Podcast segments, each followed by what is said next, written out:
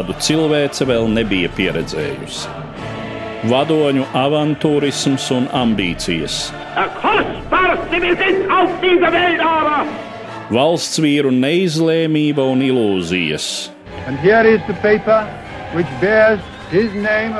Arvien jaunas valstis ievilktas kara virpulī.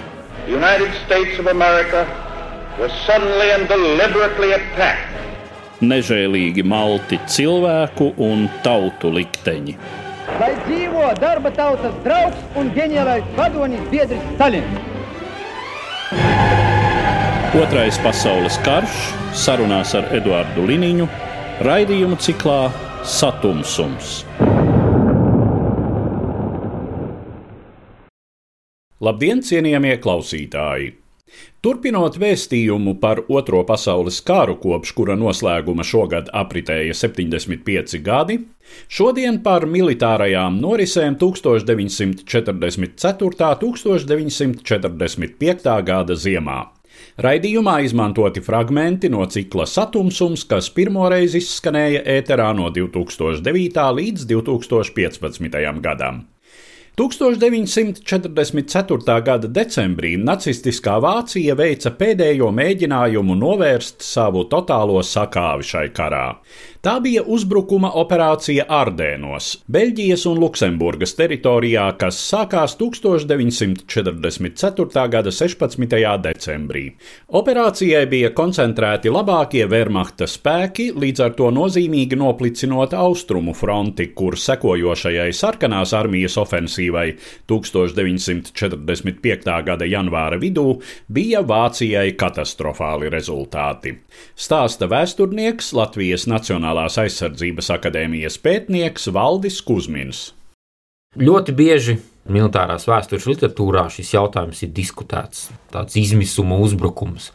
Vienmēr ir diskutēts, kas bija pamatā Hitlera lēmumam, jo, protams, galveno lēmumu pieņēma Adolfs Hitlers vienpersoniski. Kāpēc Austrumfronte tika tik pamatīgi novājināta 1945. gada janvāra sākumā, kad pēc tam sekoja katastrofa sarkanās armijas uzbrukuma rezultātā. Un viedoklis, kas man šķiet viens no pārliecinošākajiem, ir mūsdienu Bundesvēra pulkvedis Karlheinz Frīzners.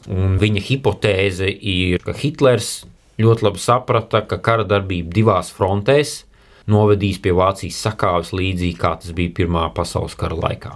Ir nepieciešams panākt vismaz vienas frontes, vai tā būtu austrumu vai rietumu fronte, izstāšanās no šīs kara darbības. No Hitlera viedokļa, no viņa situācijas analīzes, Otro pasaules karu nevarēja uzvarēt ar turēšanos, piemēram, līdzīgi sadalot spēkus starp austrumiem un rietumiem. Mēnesi, divus, trīs, gadu, divus, cik ilgi turēties. Ir jāmēģina panākt, riskējot lūzumus vai no austrumu vai rietumu frontē.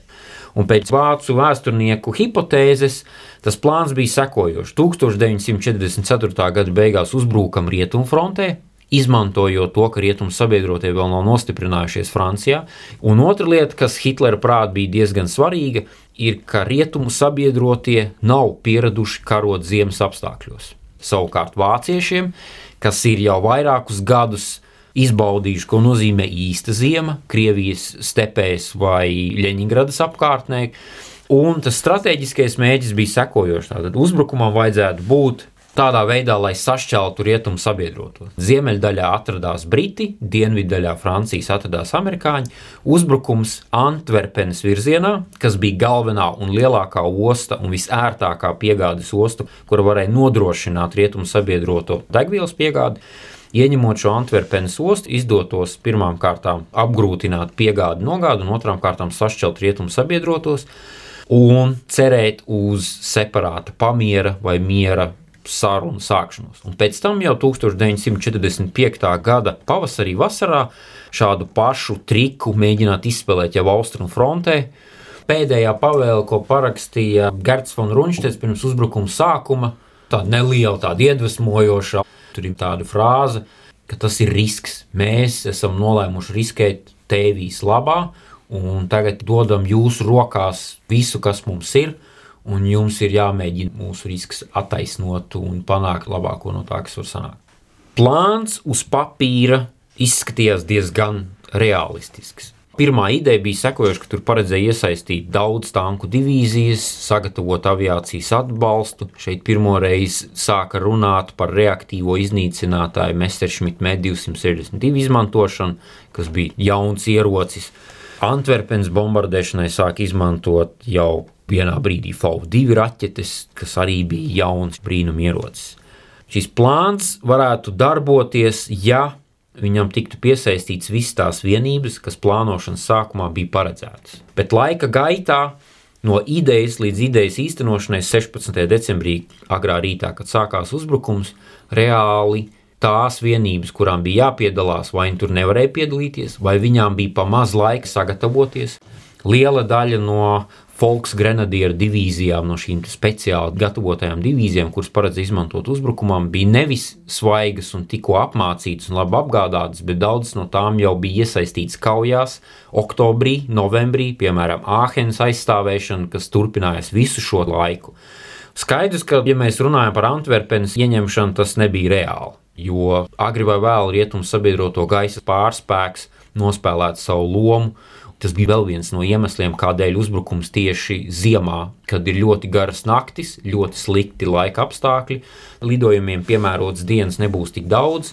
Maksimālais, ko varētu sasniegt šīs abas tanku armijas, sastājas S tanku armija Zepa Dītriha vadībā un 5. tanku armija Hasofa un Manteifela vadībā, bija Mēzes upe pie Namīras.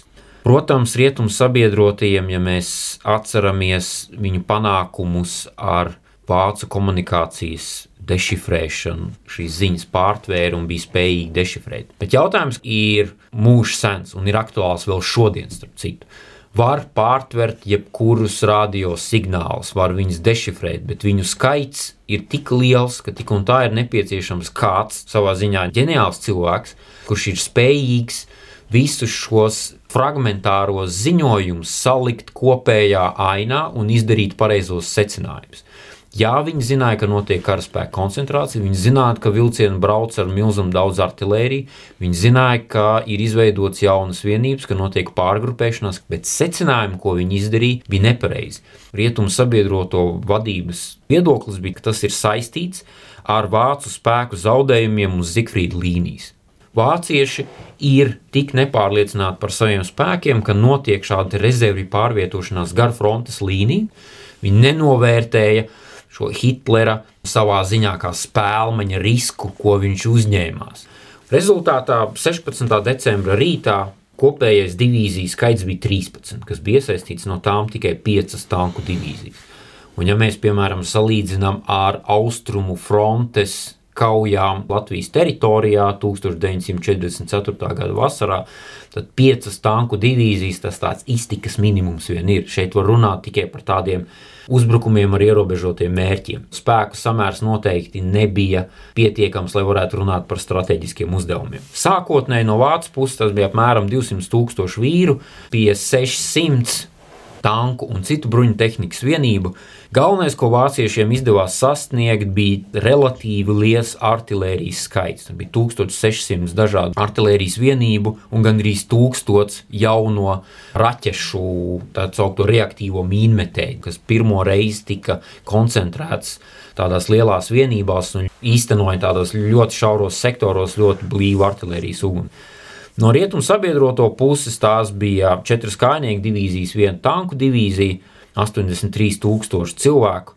Nu, tanku apmērs bija gandrīz tikpat liels, pie 500 tankiem, un artērija gan bija nedaudz mazāka. Un šis uzbrukums sākās 16. decembra agrā rītā, un tām amerikāņu divīzijām, kas bija iesaistītas, tā bija 106. kājnieku divīzija, 28. kājnieku divīzija. Tās bija galvenās, kas uztvēra šo pirmo uzbrukumu. Tas bija ļoti nepatīkams pārsteigums. Pārsteigums tika sasniegts diezgan pārliecinoši, jo amerikāņi nebija gatavi šādu līmeņu uzbrukumam. Galvenais pārsteigums bija artērijas sagatavošanās uguns. Un kas arī bija pārsteigums pašiem amerikāņiem, pārsteigums bija arī vāciešiem, bija tas, kādu pretestību amerikāņi izrādīja reizēm pilnīgi bezcerīgos apstākļos. 18 karavīru no izlūku vienības bija spējīgi veselu dienu noturēt veselu bataljonu uzbrukumu. Bet viņi nolēma, ka viņš šajā ciematā turēsies, un viņi turējās. Un līdz ar to pēkšņi izrādījās, ka vesela tanku korpusu uzbrukums ir jāmaina. Viņi gāja bojā, viņi tika saņemti gūstā, bet šie plāni tika mainīti. Ceļi bija katastrofālā stāvoklī, tie bija serpentīna veidi, lai gan Ardēna kalna nav gluži alpi, bet tie pietiekami lieli kalni, kur ceļi ir serpentīna veidīgi un smagie tanki nevar izgriezties un pietiek vienam tankam apstāties, un viss ir izveidojies sastrēgums, kuram vienkārši fiziski nav iespējams tikt nekādā veidā apkārt, ir jābrauc ar līkumu. Papera kaujas grupu. Tātad Joachims Papers bija sestās tanku armijas galvenais uzbrukuma trieciena spēks. Viņa rīcībā bija nodoti smagākie un kaujas spējīgākie Vācijas tā laika tanki, Panzerkampfwagens 6, Königsteiger 501. Tātad SS tanku bataljons, kuram vajadzēja braukt pa priekšu.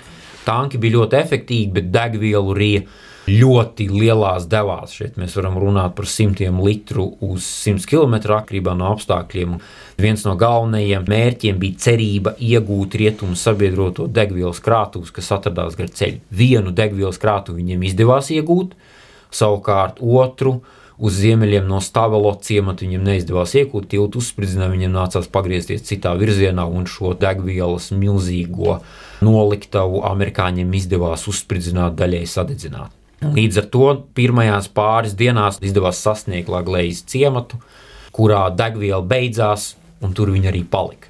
Un nonāca ielēkumā. Un šāda situācija ir saskatāma katrā no divīzijām, 6. tanku armijai un 5. tanku armijai, kur pārsteigums, uzbrukums, vācu tanku divīzijas nobrauc 10 km un pēkšņi piecu karavīru viena pretanku lielgabalu apkalpes varoņdarbs aptur uzbrukumu uz veselu dienu un ir spiesti mainīt plānus.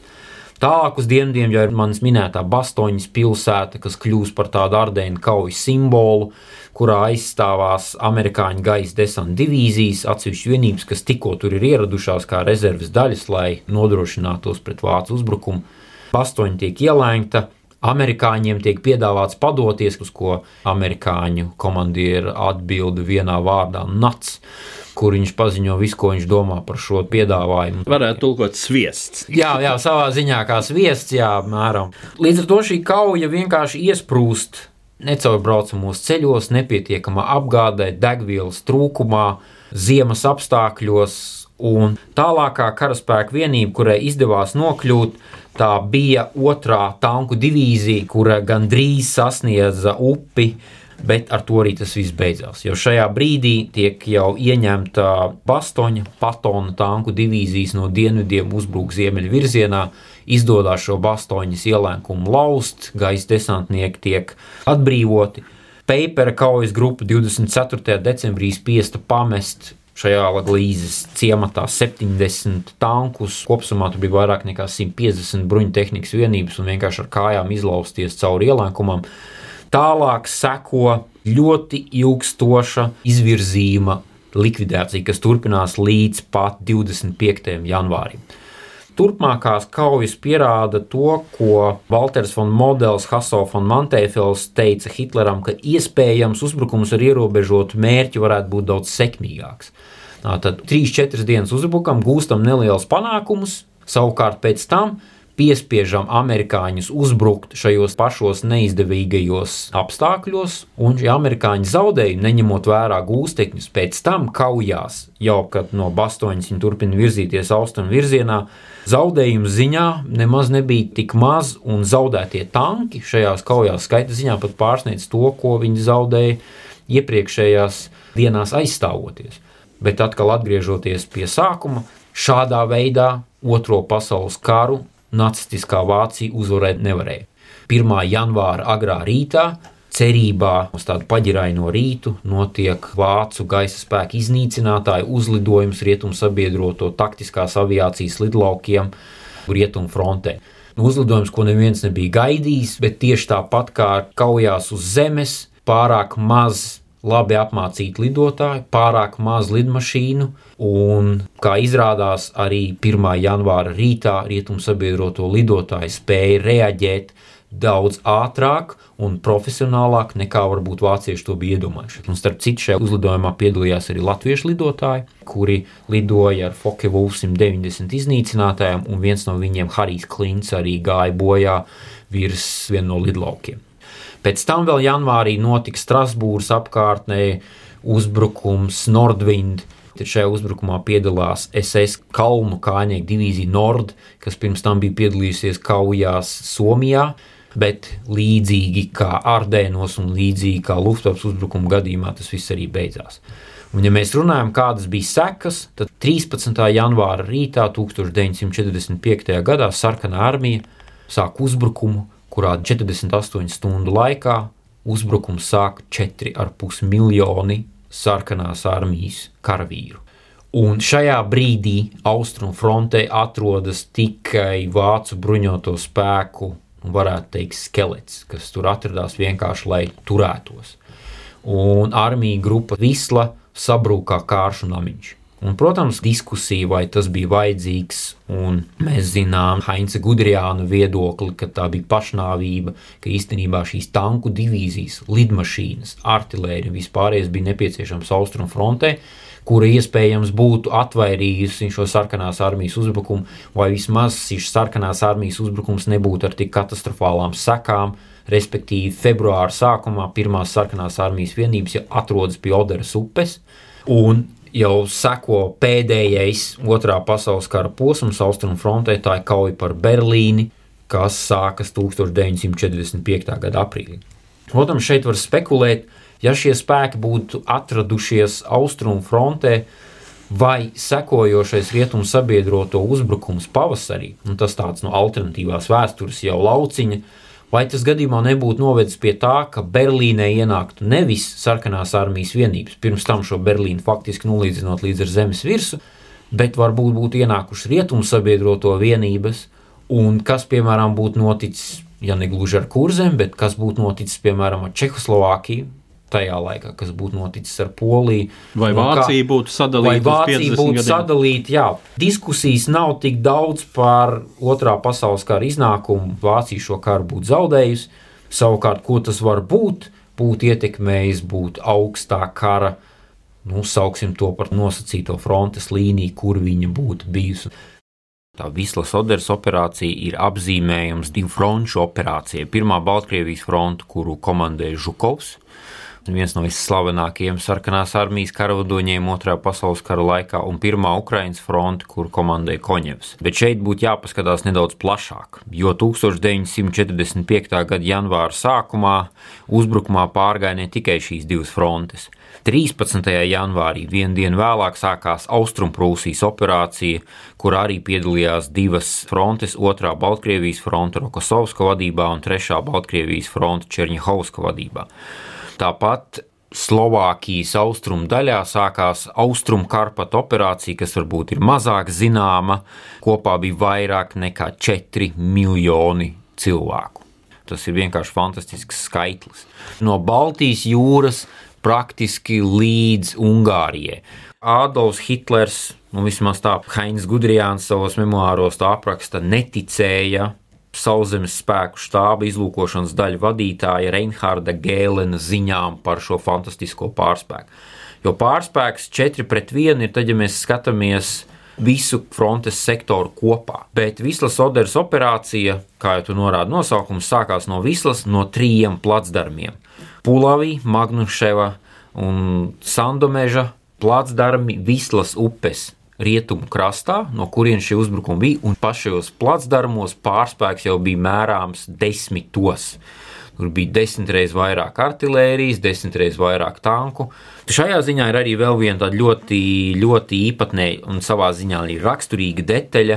Ir šī slavenā sarakste vai saruna starp Staļinu un Čērčilu, kurā Čērčils Staļinam it kā lūdz sarkanajai armijai sākt uzbrukumu austrumu frontē ātrāk, jo pēc tiem formālajiem plāniem uzbrukuma sākumam būtu bijis jābūt 20.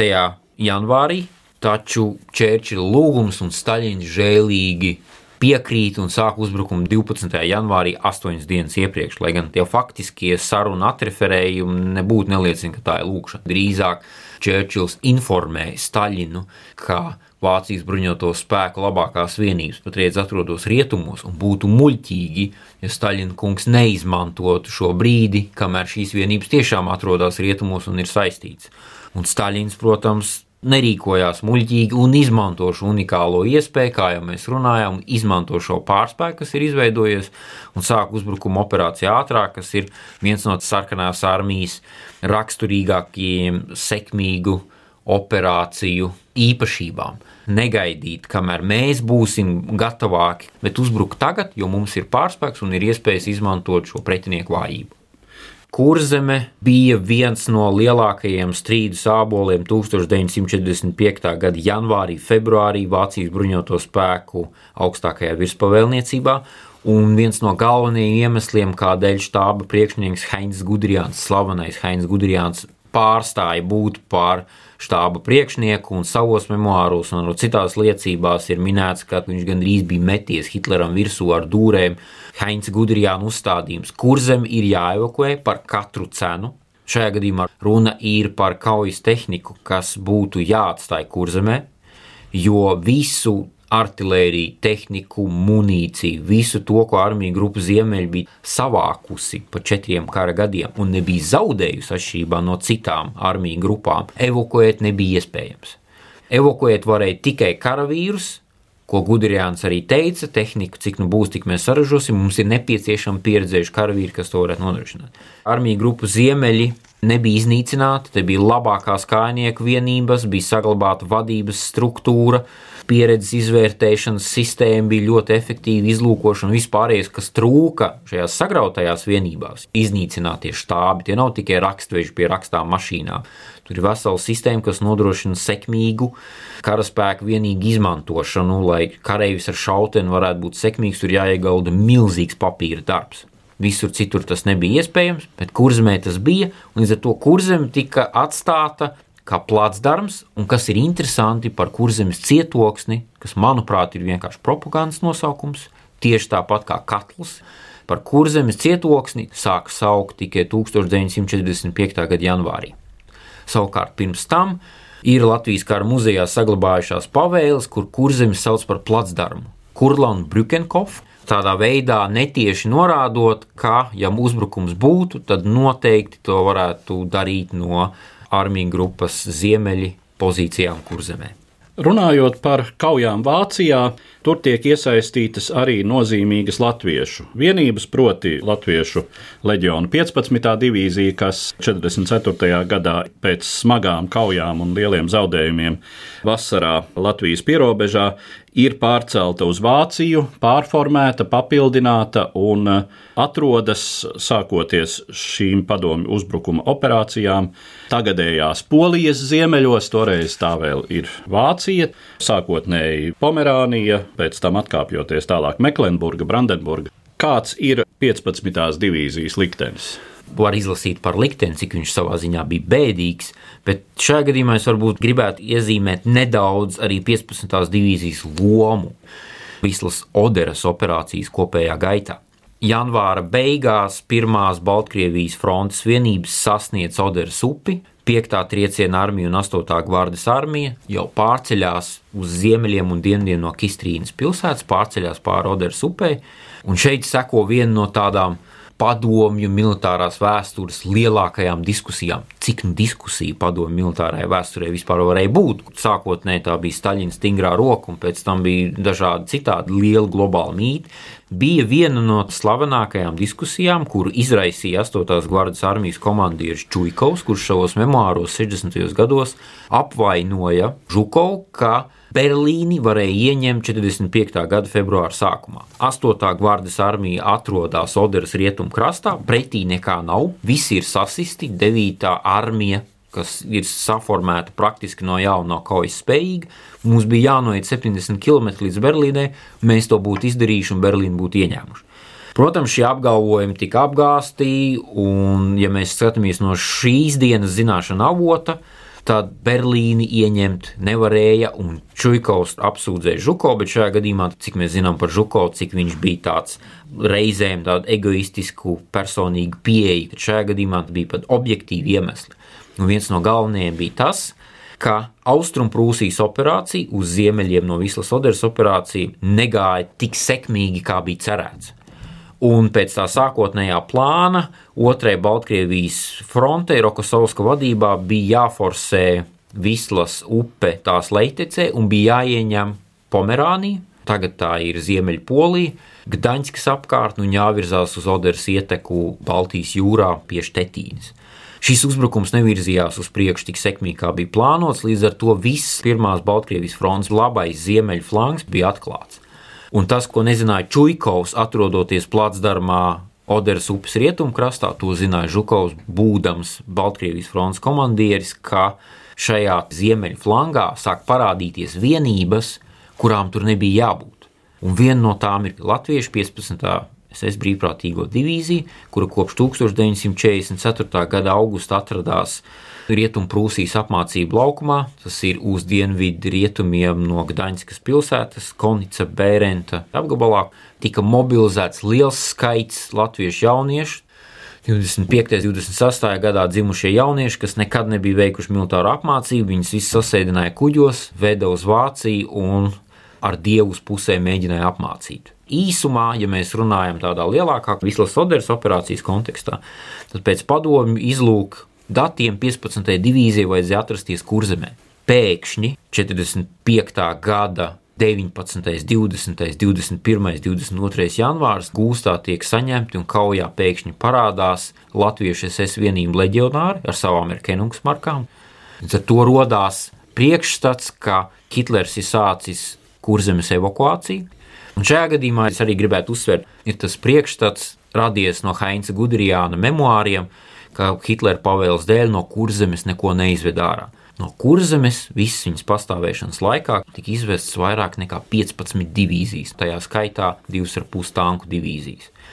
Trešais SS tanku korpus Feliksa Steinera vadībā, kas atradās pie priekules, purmsātiem, piedalījās diezgan niknās kaujās, bija tā vienība, kuru pa jūru fantastiskā ātrumā pārvietoja uz Štetīni, un no turienes bija paredzēts jauns pretuzbrukums. Līdz ar to, neskatoties uz čūska apvainojumiem, Žukovu lēmums neuzbrukt Berlīnē februāra sākumā bija pamatots. Vācu bruņoto spēku uzbrukums Zonenvende, kas sākās 15. februārī, ko vadīja Feliks Steiners, pāris nedēļās trešais SS tanku korpus tika pārformēts no sākuma par 11. SS armiju, pēc tam viņi nosauca par 11. armiju.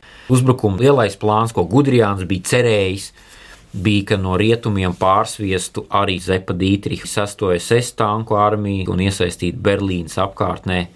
Un tas lielais uzbrukums paredzēja visas pirmās Baltkrievijas un pirmās Ukrainas fronts iznīcināšanu uz austrumiem no Oderas upes. Tas bija tāds Heinz Gudrijāna lielais tanku ģenerāļa sapnis. Tas neīstenojās, bet ko tas īstenoja, ka šīs jaunās vienības, kas pēkšņi parādījās, un šeit ir 3. SS korpus, 32. kāņīga divīzija, 15. latviešu SS grenadieru divīzija, kas pēkšņi parādās nezinu no kurienes, kas lika apstāties un sākt plānot citas operācijas. Diemžēl šīs latviešu SS divīzijas iesaistīšana bija nepārāk sekmīga, ar ļoti smagiem zaudējumiem. Pie Nakeles, Imenhaimas, Jastrovas, bēdīgi slavenās Flederbornas, par ko bija raksts, manuprāt, mājas viesī, vai slepkavoja latvieši poļu karagūstekņus vai nē, manuprāt, ka nē. Bet tomēr tās bija smagas un asiņainas kaujas. Viņi atradās ielēkumā, bija spiest no ielēkuma izlausties. Visa šī darbošanās pirmās Baltkrievijas frontes aizmugurē būtiski aizkavēja tālējošos plānus. Un 15. divīzija, ja mēs skatāmies kartes, gan padomju puses kartes, kas ir maz saglabājušās, gan vācu puses kartes, kas ir ļoti labi saglabājušās, tad mēs redzam, ka 15. divīzija, neskatoties uz lielajiem zaudējumiem un sakāvēm, bija viena no tām, kas veicināja šo plānu izmaiņu, savā ziņā sev pa nelaimi, jo izmainītais plāns sāka Austrumprūsijas operācijas, sākas 10. februārī un turpinās līdz 4. aprīlim kuras mērķis bija visas mūsdienu Ziemeļpolijas iztīrīšana, kā rezultātā 15. divīzijas daļas izlauzās uz rietumiem līdz Štetīnēm pie Šneidemīlas, tika pāri Oderē, bet pārējās latviešu vienības tā jau nebija tikai 15. divīzija. Tur bija robeža apsardzības pulku paliekas, policijas pulku paliekas, tajā skaitā arī bijušie Latvijas drošības policijas, kas pirms tam pazīstama ar beidīgu ārāju komandas nosaukumu, karavīri, kas bija pārvesti uz Ziemeļpoliju. Tur bija tūkstošiem latviešu bēgļu arī pie Dancigas un Gotenhāfens tie visi cieta ļoti, ļoti smagas zaudējumus un bija ieslēgti Gdaņskā, Gotenhāfenā līdz pat Otrā pasaules kara beigām. Pāris nedēļas pirms paša noslēguma, tas ir 1945. gada aprīļa beigas, kad Austrumprūsija un Pomerānija beidz eksistēt kā vācu kontrolētas teritorijas. Līdz ar to izskan raidījums, kurā vēstījām par norisēm Otrā pasaules kara frontēs 1944. un 1945. gada ziemā. Par tām stāstīja vēsturnieks Latvijas Nacionālās aizsardzības akadēmijas pētnieks Valdis Kusmins. Uz redzēšanos, cienījamie klausītāji! Raidījumā šīs dienas acīm cikls Satumsums Sarunas par Otro pasaules karu.